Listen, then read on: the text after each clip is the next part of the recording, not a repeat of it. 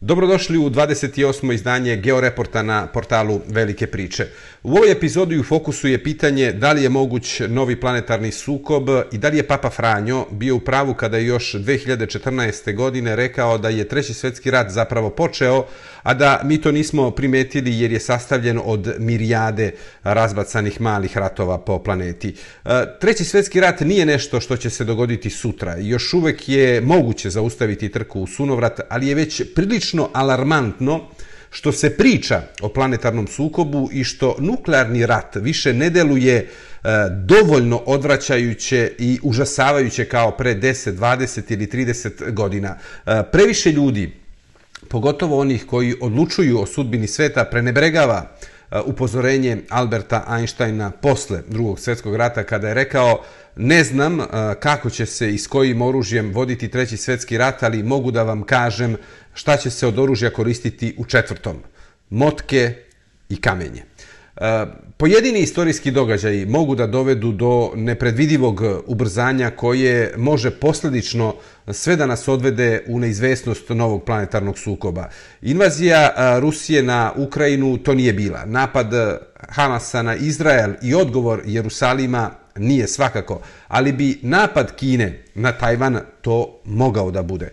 U Washingtonu procenjuju da bi Peking na srednji rok mogao da bude već spreman za invaziju na Tajvan, ali i da nije isključeno da se to dogodi i ranije ako doživoti predsjednik Kine Xi Jinping proceni da su se uslovi stekli za napad na Formozu. E, ne treba da vas zaveraju susreti, samiti i izjave koji e, predstavljaju ili bivaju predstavljeni kao znaci otopljavanja u odnosima između Vašingtona eh, i Pekinga kao što je to bio eh, susret u San Francisku, eh, jer Amerika i Kina, to je sasvim očigledno, kupuju vreme, odnosno pokušavaju da zauzmu što bolju poziciju i da dočekaju što spremniji neizbežni sudar koji i to treba produvući, e, ne mora nužno da znači e, odlazak u treći svetski rat, već može da se završi i na drugi način, kao što je to bio slučaj recimo sa hladnim ratom. Ali o tome e, u nastavku našeg podcasta. Polazimo od pitanja ko su akteri od kojih zavisi eventualni početak planetarnog sukoba. U iscepkanom planetarnom sukobu imamo tri glavna aktera – jednu dominantnu silu, Sjedinjene američke države, i dve revizionističke, Narodna republika Kina i Ruska federacija. Pored njih imamo barem još šest regionalnih sila koje imaju ambiciju da ojačaju svoju ulogu i prošire zonu svojih uticaja, zbog čega su i one po antonomaziji revizionističke.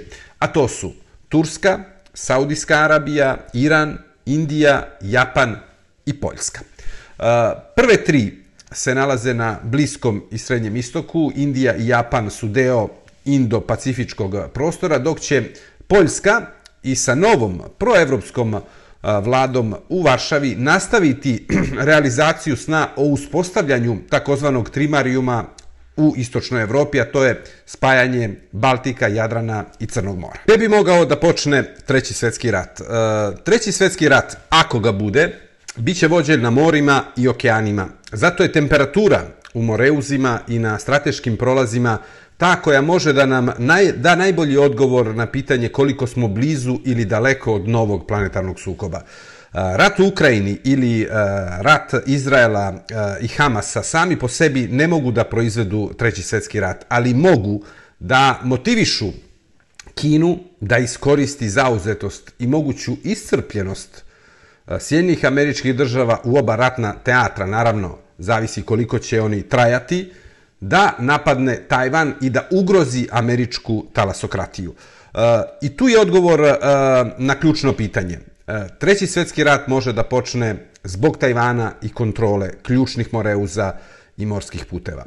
Osim što bi se direktno sukobile Sjedinjene američke države i Kina oko Tajvana i prolaza, sukob bi automatski uh, zapalio Korejsko poluostrvo i neizbežno bi prouzrokovao ulazak Japana na strani Sjednjih američkih država i Rusije na strani Kine. Evropska unija, dobar njen deo prilično nevoljno, bi morao da stane u stranu Sjedinjenih američkih država, dok su velika nepoznanica arapske zemlje i Turska Indija bi, u to nema mnogo sumnje, ostala uslovno rečeno po strani, ali bi indirektno i logistički stajala u Sjedine američke države, Japan i Australiju, svoje saveznike u kvadu. Tačke ključanja na planeti. E, tačke ključanja su Južno-Kinesko more, Malajski moreuz, Ormuski tesnac, Bab el Mandeb moreuz i Suetski kanal. E, vrlo bi, brzo bi mogao da postane između znaka navoda, ključajući, jer zvuči kao oksimoron, Beringov Moreus, budući da klimatske promene i porast e, temperatura otvaraju mogućnost da Severni okean bude plovan tokom cele godine. Rusija i Kina već planiraju da iskoriste maksimalno novu prednost koja će e, njima biti na raspolaganju i koja će predstavljati veliku geostratešku e, olakšicu ili povoljnost za Rusiju i Kinu. Ključni cilj Sjednjih američkih država je zadržavanje kontrole na liniji Moreuza Panama, Tajvan, Malajski prolaz, Bab el Mandeb, Suetski kanal, Sicilijanski prolaz, Gibraltarski Moreus. Sve dok bude kontrolisala te tačke, američka talasokratija neće biti u opasnosti. Čak i da severni ledeni okean postane samo severni okean i plovan tokom cele godine. Gde će biti glavni teatri eventualnog trećeg svjetskog rata? Prva dva planetarna rata su imala e, svoj epicentar u Evropi. Glavni teatar trećeg svjetskog rata će biti Indo-Pacifik. E, Kinezi su alergični na kovanicu Indo-Pacifik, ne zato što ju je lansirao bivši japanski premijer Shinzo Abe tokom posete Indiji 2007. godine, već zato što žele da e, drže odvojenim ta dva teatra. E, ujedinjena dva okeana u jednu geopolitičku celinu je proizvelo stvaranje takozvanog kvada, koji čine, kao što smo rekli, Sjedinjene američke države, Japan, Australija i Indija. I njihov cilj je da onemoguće Kini da postane planetarni i e, talasokratski lider. E, za Peking je spajanje e, dva okeana u bilo kom geopolitičkom kontekstu u ovim okolnostima e, kao neka vrsta e, kreiranja para ruku za davljenje Kine. Zbog toga oni imaju tako negativan stav. U Vašingtonu je e, tek pre e, nekoliko godina, tačnije 2018. godine, preimenovana Pacifička komanda u Indo-Pacifičku komandu. Od kada su Sjedinjene američke države izašle na Tihi okean, Pacifik je bio njihov primarni okean, jer su na drugoj strani imali Rusiju i Kinu. Atlantski okean je bio na drugom mestu, budući da specijalno prijateljstvo sa Velikom Britanijom traje 125 godina od Špansko-američkog rata, a posle drugog svetskog rata tu je NATO. Indijski okean je bio tek na trećem mestu na američkoj listi prioriteta. Sa hegemonskim i talasokratskim aspiracijama Kine, Indijski okean je postao deo jednog te istog teatra zajedno sa Pacifikom i dobio status prioriteta. Da li će Tajvan e, biti e, slikovito rečeno njegoševski orah za Kinu? E, uh, jeli, Tajvan je Mm, možemo da kažemo, njegoševski orah, dakle, za Xi Jinpinga i za njegov režim. Ili će ga smrviti i sa njim zajedno dominaciju Sjedinjenih američkih država e, na planeti i na morima i okeanima, ili će na njemu zube polomiti i raspršiti na kraju krajeva snove o takozvanom kineskom veku. Do skora se mislilo da je e, cilj Pekinga da preuzme kontrolu nad Tajvanom do 2049. godine, odnosno pre 100 godišnjice osnivanja Narodne republike Kine. Međutim, uspon Xi Jinpinga i sve veće ambicije doživotnog predsjednika da zaseni e, svoje prethodnike, pogotovo Mao Tse-tunga, upućuje e, da se neće čekati toliko dugo iz prostog razloga što je Xi Jinping rođen 1953. godine i teško je poverovati jeli, da bi mogao da vlada i u 2049. godini kada ako bude doživeo e, tu godinu imaće 96 leta. Osvajanje Tajvana bi obezbedilo e, Siju počasno mesto u komunističkom panteonu iznad i samog Mao Tse-tunga što je na kraju krajeva i njegov lični cilj. Nije tajna da u Beloj kući i Zhongnanhaju već godinama prave planove za odbranu, odnosno osvajanje Tajvana zavisnosti, u zavisnosti od ugla gledanja. E, postoje dve škole mišljenja koje kada bi moglo da dođe do, do sukoba. E, prva ga predviđa u e, rasponu od 3 do 5 godina, druga od 5 do 10. Jedina stvar koja može da poštedi Formozu ratnih razaranja je sve raširenija svest da bi bitka za Tajvan bila varnica koja bi zapalila planetarni ratni požar, zahvaljujući upravo Indo-Pacifičkom regionu koji je postao ključan u e, svetskim razmerama. E, jer bi se po principu spojenih sudova sukob oko Tajvana onda prelio i na e, Aziju, na Bliski istok, na Afriku, na istočnu Evropu i dakle zapalio bi čitav svet. Da li su i koliko uh, slične okolnosti sa onima sa koje su svet odvele u drugi svetski rat koji koje imamo danas? Mm, Mark Twain je bio, možemo kažemo, u pravu, kada je korigovao opasku uh, Karla Marksa o ponavljanju istorije u maksimu istorija se ne ponavlja, nego rimuje. Uh, tako se današnja Rusija i Kina više eh, rimuju, a manje liče na Nemačku Japan iz 30-ih eh, godina prošlog veka. Kao što su Nemci, kao što se Nemci u stvari nisu osjećali jeli, eh, poraženim posle Prvog svjetskog rata i zbog toga su još teže podnosili izdiktirane uslove u Versajskom mirovnom sporazumu, tako ni Rusi ne smatraju da su izgubili hladni rat. Kao nekad Nemci, E, tako i danas Rusi kraj njihove imperije ne pripisuju slabostima i greškama njihovih e, vladara, već konspirativnim zaverama velikih centara moći koji su se urotili svi zajedno protiv njih. E, nacistička Nemačka i carski Japan su pretendovali na novu raspodelu bogatstava i zonu uticaja u svetu u kojem su već dominirale anglosaksonske zemlje e, plus Francuska, dok Rusija i Kina e, već uveliko zauzimaju pozicije i stavljaju tapije na mm, primarne materije i redke metale u konfrontaciji sa Sjedinjenim američkim državama i Europskom unijom na svim kontinentima. Kremlj i Zhongnanhai e, sa vrtoglavim povećanjem vojnih budžeta i ulaganjem u naoružanje kao pre 90 godina Berlin i Tokio pokazuju da više veruju u takozvani hard power nego u soft power I upravo zbog toga rastu mogućnosti da dođe do nekakvog planetarnog sukoba. Posljedice rata Izrela protiv eh, Hamasa. Eh, Moskva je već zadovoljna što Ukrajina nije u fokusu pažnje Amerikanaca i Evropljana i eh, čitave svetske zajednice. I takođe, direktno uplitanje Irana e, ne bi bilo odgovarajući razvoj događaja za Rusiju, jer bi je ostavilo bez preko potrebnog ratnog materijala koje dobija iz Islamske republike i e, istovremeno bi stavilo na kocku režime koji su prijateljski nastrojeni e, prema Kremlju u regionu i tu mislimo ne samo na Teheran, već i na Bagdad, već i na Bejrut i pre svega na Damask i Siriju, jer se upravo u toj arapskoj zemlji nalaze jedine dve e, pomorske vojne baze Ruske federacije, e, ne samo u Mediteranu, već i u takozvanim toplim morima.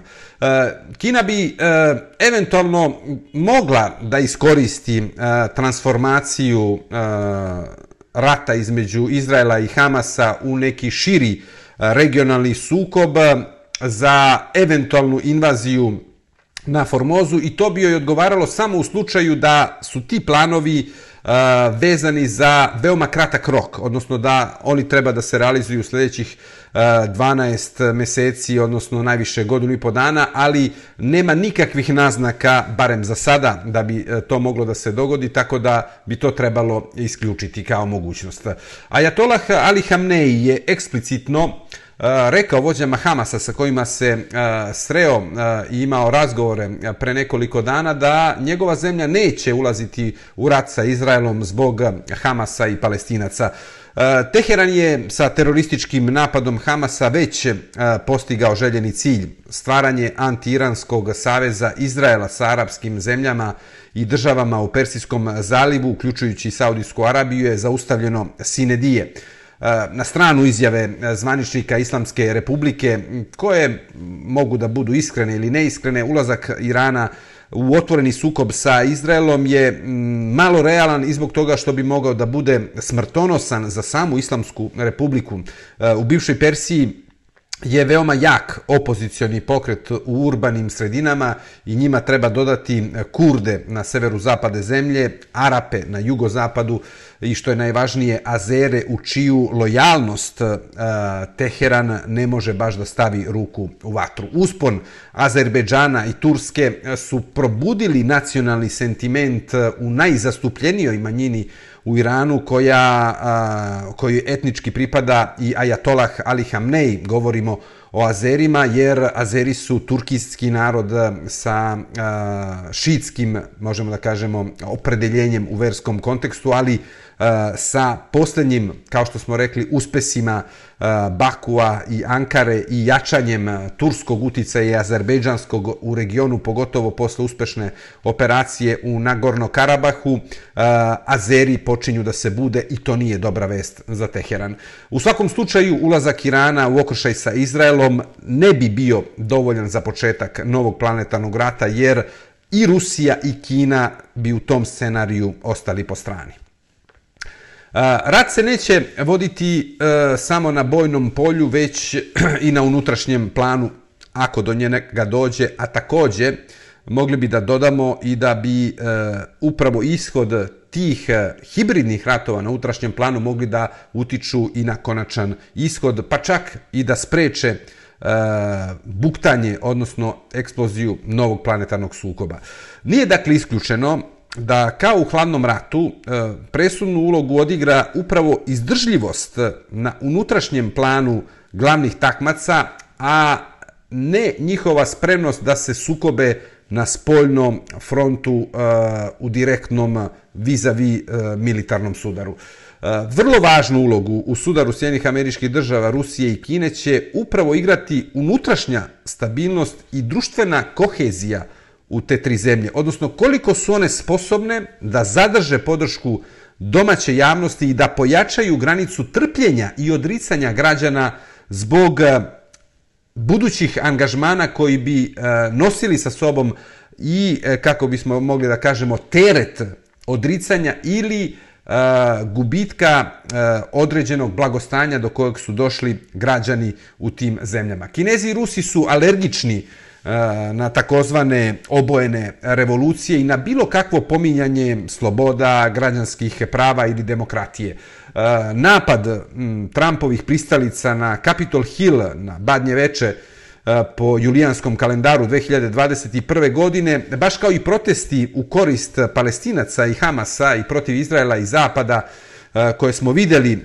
prethodnih nedelja u gradovima u Sjednjim američkim državama pokazuju da ni u Americi nisu imuni na unutrašnje lomove i previranja i da oni također mogu da imaju svoje pete kolone.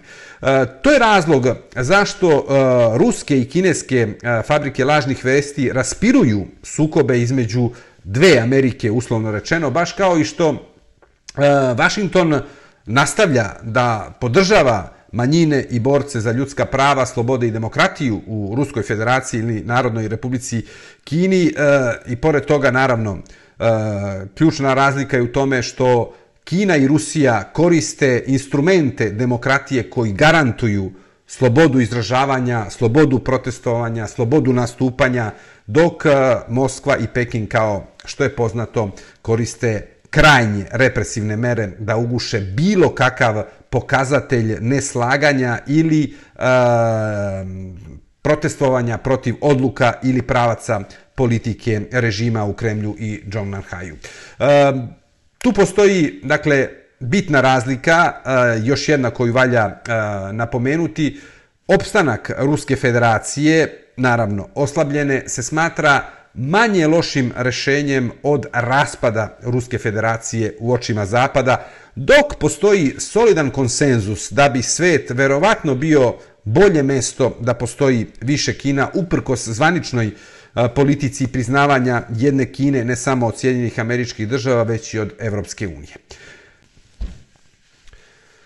Mogući scenario rasplamsavanja planetarnog sukoba.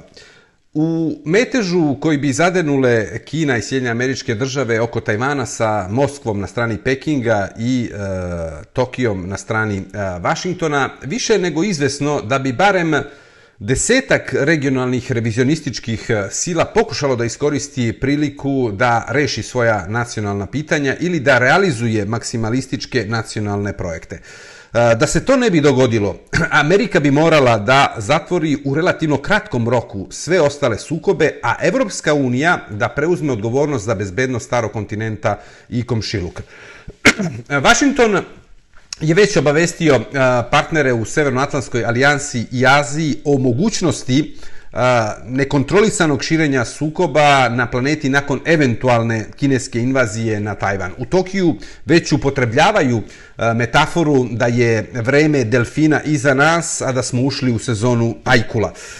To ne važi za evropsko krilo NATO-a, gde i dalje Pojedine članice imaju rezerve prema američkoj politici prema Kini i u ovom trenutku, osim Velike Britanije i Poljske, sve ostale velike članice NATO-a i članice Evropske unije ne bi pritičale u pomoć Tajvanu, a nisu spremne ni da uvedu sankcije Kini. Naravno, to ne znači da ne bi moglo da dođe do određenih promjena kada bi to se zaista i dogodilo. Uloga Japana. Prva zemlja koja bi e, bila uključena u kinesko-američki rat za Tajvan e, bi bio svakako Japan. E, ne samo zato što Amerikanci imaju baze u zemlji izlazećeg sunca i na njenim ostrovima, uključujući i Okinavu, e, već e, zato što je Tajvan strateški važniji za nacionalne interese Tokija nego Vašingtona. Takođe, Japan u očima Tajvanaca a, je najveći i najpouzdaniji prijatelj, iako je Formoza bila prva imperialna kolonija a, Tokija. Primjera radi 60% Tajvanaca smatra Japan najboljim prijateljem na svetu, tek 5% vidi e, u Kini, a samo 4% e, Sjedinje američke države kao najboljeg prijatelja, dok čak 77% ima izuzetno pozitivno mišljenje o japanskom narodu. Paradoksalno, To što je Tajman danas prozapadno nastrojen, zasluga je mnogo više e, Tokija nego Vašingtona. U slučaju pobede e, Zapadnog saveza u borbi za Tajvan, za Amerikance će to biti slatko-gorka pobeda, jer će najveći profiteri biti Japan, a zatim Indija.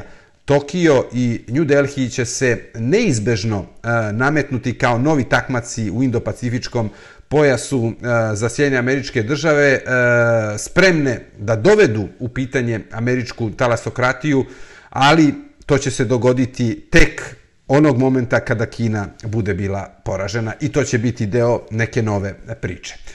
E, Korejsko poluostrvo. E, Severna Koreja e, je jedna od najvećih e, nepoznanica u ovoj našoj ratnoj nejednačini. E, Kim Jong-un je prilično bizaran e, vladar od koga se može svašta očekivati. On je vrlo lukavo iskoristio priliku da se uz pomoć Moskve izmigolji iz totalne kontrole Pekinga, dok je Putin sa približavanjem e, Kim Jong-unu u takozvanoj voz diplomatiji poslao i signal prijatelju Xi Jinpingu da u Kremlju imaju odgovor ako Kina posegne za istočnim Sibirom. E, nije isključena mogućnost da Pyongyang napadne Seul. U opticaju su dve motivacije. Prva je da Kim Jong-un e, za račun Kine napadne Južnu Koreju kako bi vezao Sjedinjene američke države za još jedan ratni teatar u kojem bi Washington bio upleten i izložen materijalnim troškovima i ljudskim žrtvama imajući u vidu američke baze ispod 38. uporednika. E, Takaj razvoj događaja bi povećao šanse Kine da zauzme Tajvan. Druga motivacija je diametralna. U slučaju kineskog napada na Tajvan i posljedično američke intervencije na strani Tajpeja, Pyongyang bi mogao da vidi šansu da napadne Seul, budući da bi u očima Vašingtona, ali i Tokija, odbrana Formoze imala apsolutni prioritet u odnosu na odbranu Južne Koreje. Da li bi Rusija otvorila nove i oživela stare frontove u slučaju rasplamsavanja planetarnog sukoba? E, zauzetost i opterećenost Amerike vođenjem paralelnih ratova na više frontova, dakle Ukrajina, Bliski istok, e, eventualno Tajvan i Korejsko poluostrvo, e, moglo bi da otvori i niz drugih e, pandorinih e, kutija i u to e, nema nikakve sumnje. Nije isključeno da bi Moskva mogla da odledi zaleđene sukobe između Prednjestrovlja i Moldavije, kao i pitanja Abhazije i Južne Osetije u Gruziji, baš kao što je vrlo verovatno da bi pokušali da iskoriste svoje ljude infiltrirane u Beogradu, Banja Luci i Podgorici da zapale Zapadni Balkan. Mogući frontovi u Evropskoj uniji. E, na starom kontinentu, osim Zapadnog Balkana, najužareniji deo Evrope bila bi linija Suvalki. E, odnosno koridor e, koji deli e, Belorusiju, čitaj Rusiju, od Esklave Kaliningrad, uklještena između Poljske i Litvanije. E, Moskva bi sa tim potezom imala e, dvostruku dobit. E, osim što bi povezala kopneno svoje teritorije sa lukom na Baltičkom moru, odvojila bi fizički pribaltičke republike od NATO saveznika Imajući u vidu brojne ruske, odnosno brojnost ruske etničke manjine u Estoniji i Letoniji, nije teško uh, zamisliti scenario u kojem bi buknuli uh, građanski ratovi u pribaltičkim republikama. Međutim, uh, tu treba da imamo i u vidu da je Poljska umeđu vremenu dovoljno vojno ojačala, da su Finska i Švedska ušle, odnosno Švedska još nedostaje uh, zeleno svetlo Mađarske, ali pitanje je samo vremena kada će i to uh, se realizovati, su dakle već u NATO-u i e, one bi zajedno mogle e, da u dobroj meri osujete ili da dovedu ozbiljno u pitanje ostvarivanje takvih ruskih planova. E, nova peta kolona u Evropi. U zapadnoj Evropi i Velikoj Britaniji u slučaju rasplamsavanja Trećeg svjetskog rata bi imali velike probleme sa islamskim terorizmom s obzirom na to da u svim zemljama postoje relativno brojne zajednice migranata iz afričkih i azijskih zemalja koje se nisu integrisale u nova društva i kao takve predstavljaju savršen milje za širenje političkog islama i radikalizaciju novih naraštaja. Rusija, Kina kao i arapske zalivske monarhije e, koje već godinama finansiraju direktno ili indirektno radikalizaciju muslimana koji žive u Europi, bi imali relativno lak zadatak da regrutuju deo migrantske populacije kao petu kolonu, obećavajući im uvođenje e, šarije ili kalifata na starom kontinentu, I istovremeno Evropa bi se našla e, i pod udarom još većih migrantskih e, talasa sa takozvanog globalnog juga, što bi vodilo ka zaoštravanju odnosa između političkih stranaka suprostavljenih uh, E, društvenih slojeva i otvaranju vrata za dolazak na vlast ekstremne desnice u brojnim e, zapadnoevropskim, ali i u ostalim e, zemljama na starom kontinentu. Turski rebus. Velika je nepoznanica kako bi se u tom totalnom haosu ponašala Turska. U Atini se već godinama spremaju za odbranu ostrva u Egejskom moru i onemogućavanje Turske da realizuje san o plavoj otačbini. E, namera Ankare je da kreira linije kontrole između Sicilijanskog kanala, odnosno iznad Tripolija, zapadnog dela e, Libije, i Bosfora, dakle Istanbul, deleći dakle Mediteransko more na dva dela. Tu treba da dodamo i kontrolu Suetskog kanala i Moreuza e, Bab el Mandeb. Turska je, podsjetimo, praktično uh, ktitor, možemo da kažemo, ili e, zemlja koja kontroliše u potpunosti e, vlast e, i u Somaliji i u Eritreji i dakle zbog toga ima veoma važne karte kada je u pitanju kontrola e, Moreuza Bab El Mandeb. E, međutim, Erdogan režim ima svoju Ahilovu petu. Kurde. Eh, Ankara relativno lako izlazi na kraj sa Kurdima, ali ako bi oni dobili logističku, ekonomsku i vojnu podršku sa strane, Turska bi imala građansko-etnički rat u svojoj kući i pitanje je onda koliko bi mogla da bude aktivna i uspešna na međunarodnom planu. To znaju u Ankari, to znaju u Briselu, to znaju i u Vašingtonu. Takođe, e, Turska i Azerbejdžan već čekaju povoljnu priliku da okupiraju južni deo Jermenije i uspostave kopnenu vezu između Bakua i Nahčivana, azerbejdžanske esklave između Jermenije, Turske i Irana. E, do tog rata e, možemo da kažemo je gotovo sigurno da će doći pre ili kasnije i bez eventualnog planetarnog ili šireg regionalnog e, sukoba i njega može samo da spreči eventualna jasna akcija Sjednjih američkih država i Evropske unije koje bi odlučile da inkorporiraju Jermeniju u NATO, odnosno u Evropsku uniju, a to još uvek nije na horizontu. Raskrsnica za arapske zemlje. E, arapske zemlje, pre svega Saudijska Arabija, bi pokušale da se drže po strani. E, Rijadu bi odgovaralo da dođe do promene režima u Teheranu, a ne bi imali ništa protiv i da Turska iz cele ove priče izađe kao gubitnik.